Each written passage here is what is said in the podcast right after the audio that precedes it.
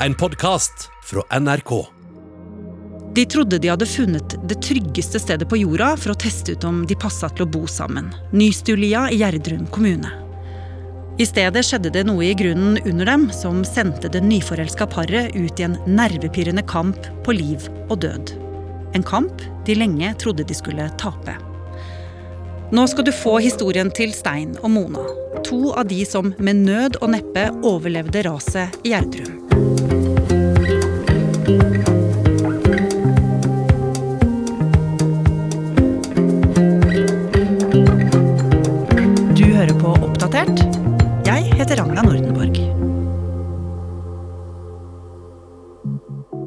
er seint om kvelden den 29. desember. Hjemme hos det nyetablerte pensjonistparet Mona Torp og Stein Ranum går nok en TV-kveld mot slutten. Og paret har blitt sittende og prate litt i sofaen. Da var det jo bare to dager igjen til nyttårsaften, og vi tenkte som så at uh, egentlig i disse koronatider så er det stille og rolig. Vi ser lite venner, vi drar ikke og besøker venner. Så vi, vi satt der begge to og sier det skjer ingenting. Rundt klokka tolv sier Stein og Mona god natt til katten sin og går og legger seg. Og natta kryper seg sakte fram. Og så våkner jeg at det knirker sånn i taket på soverommet, men det er en leilighet over oss. Men jeg har aldri hørt han naboen har vært i, i det området som det knirka i. Mona blir liggende og stusse over lyden hun akkurat har hørt. Men brått ser hun at lyset går i gangen. Og hun skvetter til av en voldsom lyd. Og så kom den forferdelige lyden som det skulle Ja, det er en sånn skrapelyd eh, Ja, vanskelig å forklare sånn helt eh, Men for meg så kunne det minne meg om en med sånn snøplog som kjørte sånn helt ned i asfalten, så det gir sånn skarp skrapelyd. Så, men det var veldig høyt, så da våkner Stein. Så ser jeg til Stein Titt ut av vinduet og se hva dette er for noe. Sekunder etter den så kom, kommer det et nytt brak.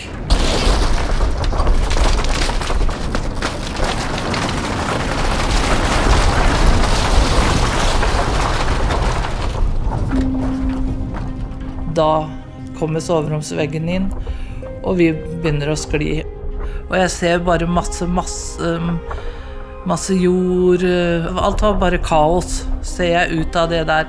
Og så blir jeg kasta ned på gulvet, og da ligger jeg på alle fire nede ved gulvet og holder på hodet mitt, da. Og så sklir vi nedover. Da tenkte jeg dette her går jo aldri bra. Taket, eller jo, taket kom ned og traff meg der jeg lå. Og så like etterpå så kom det et ekstra dunk som var litt på siden og litt oppi hodet på meg. Så, og da jeg kjente etter da, så, og fikk dytta etter med én hånd, så klarte jeg da å dytte bort vaskemaskinen som var kommet. Og når det blir stille og det stopper, så summer jeg meg lite grann, og så roper jeg 'stein'. Men hun får ikke svar fra der hun ligger i den sammenraste bygningen. Hun får heller ikke beveget seg, for hun sitter fast, og hun begynner for alvor å frykte hva som har skjedd med samboeren. Hun fortsetter å rope, og plutselig hører hun et ja litt bortenfor seg. Det var en lettelse så stor når han svarer meg, men han finner meg ikke. Og jeg roper enda mer så han skal høre, og da finner Stein ut hvor jeg er hen. Og så graver han meg frem, for det var, jeg kom ikke løs selv, for det var altfor mye planker og Stein får løfta Mona vekk fra plankehaugen hun sitter fast i, og de blir stående og holde rundt hverandre.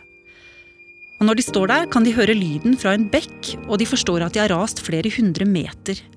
Og det går opp for dem at de er tatt av et stort skred, og nå frykter de at hele boligfeltet med flere hundre mennesker også er tatt av raset. Et ras de kjenner pågår fortsatt. Ja, Vi sto der i hvert fall og holdt veldig rundt hverandre. For da var jeg livredd for å miste den, for da tenkte jeg da, da blir vi helt borte fra hverandre. Mm. Så da vi sto der lite bitte grann, så kjente vi jo at dette her var kaldt. I bare trusa begge to. Så eh, oppdaga jeg noe hvitt som lå under noe materiale som jeg hadde kasta vekk når jeg fikk gravd fram henne. Og da fant jeg dynemer og fikk dratt fram de, og, og sånn at vi heldigvis fikk lagt de rundt oss. Men det regna, og det snødde om hverandre. Og dyna ble våt og kald, så på den siste tiden hadde den ingen misjon. Og jeg blødde veldig ut av hodet. Jeg så på hendene mine, såpass lyst var det at jeg så at det var blod overalt, og jeg kjente det. Men da jeg, jeg klarte å få tak i noe, et skjerf eller et eller annet som lå i nærheten der, og fikk prøvd å surre rundt hodet, men det gikk ikke så greit, da. Mens Mona og Stein sitter nede i krateret og holder rundt hverandre, strømmer ambulanser og politi mot Gjerdrum. Av meldingene som har kommet inn, forstår redningsmannskapet at raset som har gått, trolig har tatt med seg mange mennesker. Men de vet ikke hvor mange det gjelder, eller om noen kan reddes. Først er vi helt alene der, og så går det en liten stund, så hører jeg en som roper 'Er det noen her?' Ja, sier jeg, det er noen her. Ja, hvem er dere, sa han. Og så Det er Torp, sa jeg. Vi er her nede, sa jeg. Og så ser jeg at i, sånn i svakt i lyset at han går en runde rundt der. Jeg skjønner ikke han klarer det med barfot. Og da kommer han tilbake, og da skjønner jeg at mannen er i sjokk. Så da sier jeg til han at gå og sett deg under dyna hos Stein, og så får du litt varme der. Så begynte jeg å høre rop andre steder om hjelp, men vi fikk jo ikke gått en centimeter, for det var glasskår, det var spiker, det var alt mulig der. Altså, vi lå bare der. Stein drar seg litt oppover mot naboen, mens Mona blir liggende hardt skadd under sin dyne.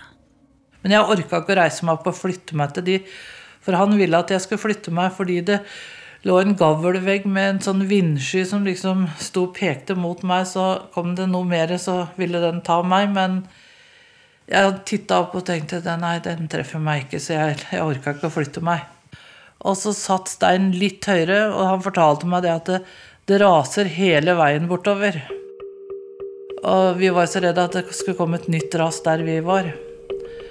Og så sier jeg til Stein at ser du blålys noe sted? For han satt litt høyere. Nei, det gjorde den ikke. Men så hører vi plutselig helikopteret kommer. Når klokka er rundt fem, har redningshelikopteret kommet frem til Ask, og nå flyr det over Kvikkleirekrateret. Det er for farlig å gå ut på kvikkleira, derfor må redningsmannskapet fire seg ned fra helikopteret for å hente opp folk. Men det er mørkt, og redningsmannskapet sliter med å få øye på Mona, Stein og naboen der ved hustaket. Vi så de løfta opp eh, folk rundt oss, da, både bak oss og på sida og foran oss. og sånn. Vi håpa jo selvfølgelig at de skulle se oss og, og redde oss også. Men eh, det begynte å gå så lang tid at vi ja, vi hadde gitt opp. Jeg blødde fælt og jeg frøs. Jeg hadde funnet isolasjon og prøvd å pakke rundt beina, men det hjalp jo ikke. Og så tenkte jeg at eh, nei, nå, dette her er nok siste Så jeg la meg ordentlig ned og tenkte at nå, nå er alt over, altså, for da var jeg helt utafor og trodde ikke det var noen som skulle finne oss. Da var jeg så kald at jeg begynte å bli varm igjen i kroppen også. Så jeg tenkte at det er jo bare å bare Det er vel sånn det skal være, kanskje. At nå er tida vår kommet. Jeg tenkte på alt fra, fra barndommen og videre til jeg fikk barn selv og barnebarn, og alt gikk gjennom hodet der. Jeg husker bare at jeg så alt som en film.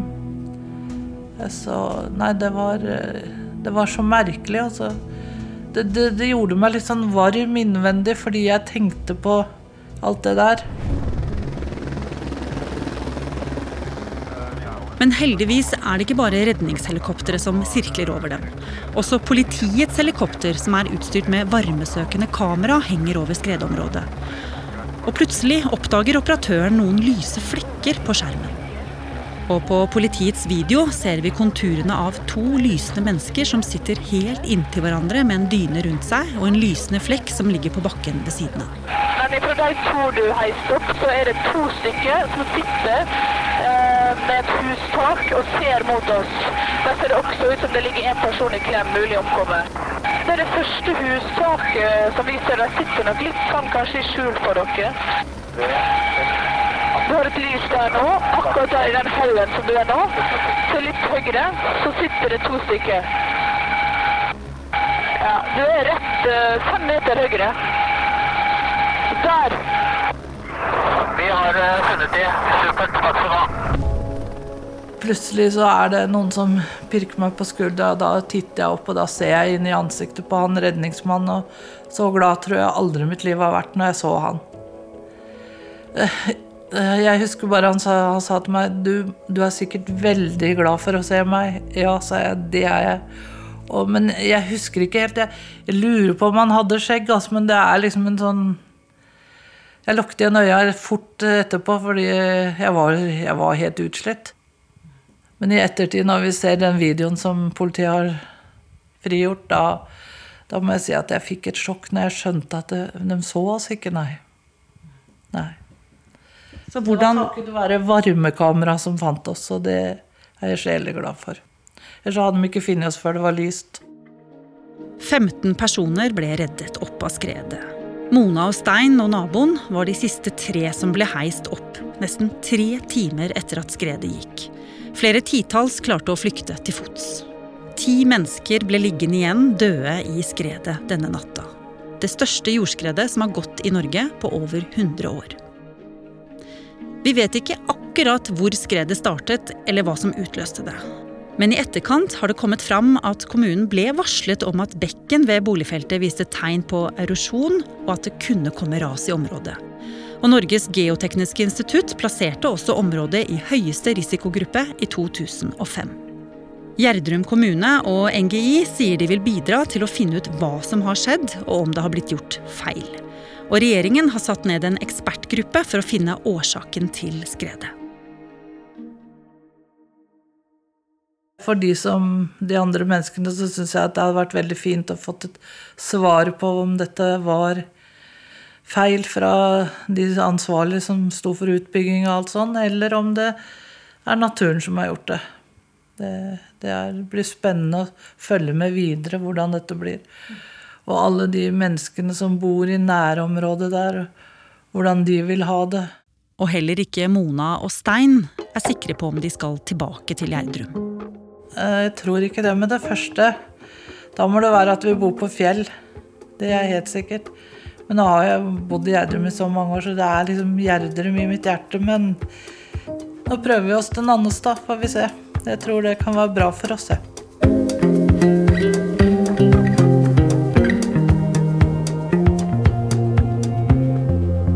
Har du lyst til å bli fast lytter av oss i Oppdatert og få påminnelse om nye episoder, så er det bare å abonnere på oss i NRK radioappen. Og så er det veldig hyggelig hvis du vil anbefale oss til en venn. Oppdatert er en podkast fra NRK Nyheter, og denne episoden er laget av Ida Tune Øretsland, Andreas Berge og meg, Ragna Nordenborg. Eva Midthun Leira er redaksjonssjef. Vil du kontakte oss, gjør gjerne det på oppdatert alfakrøll.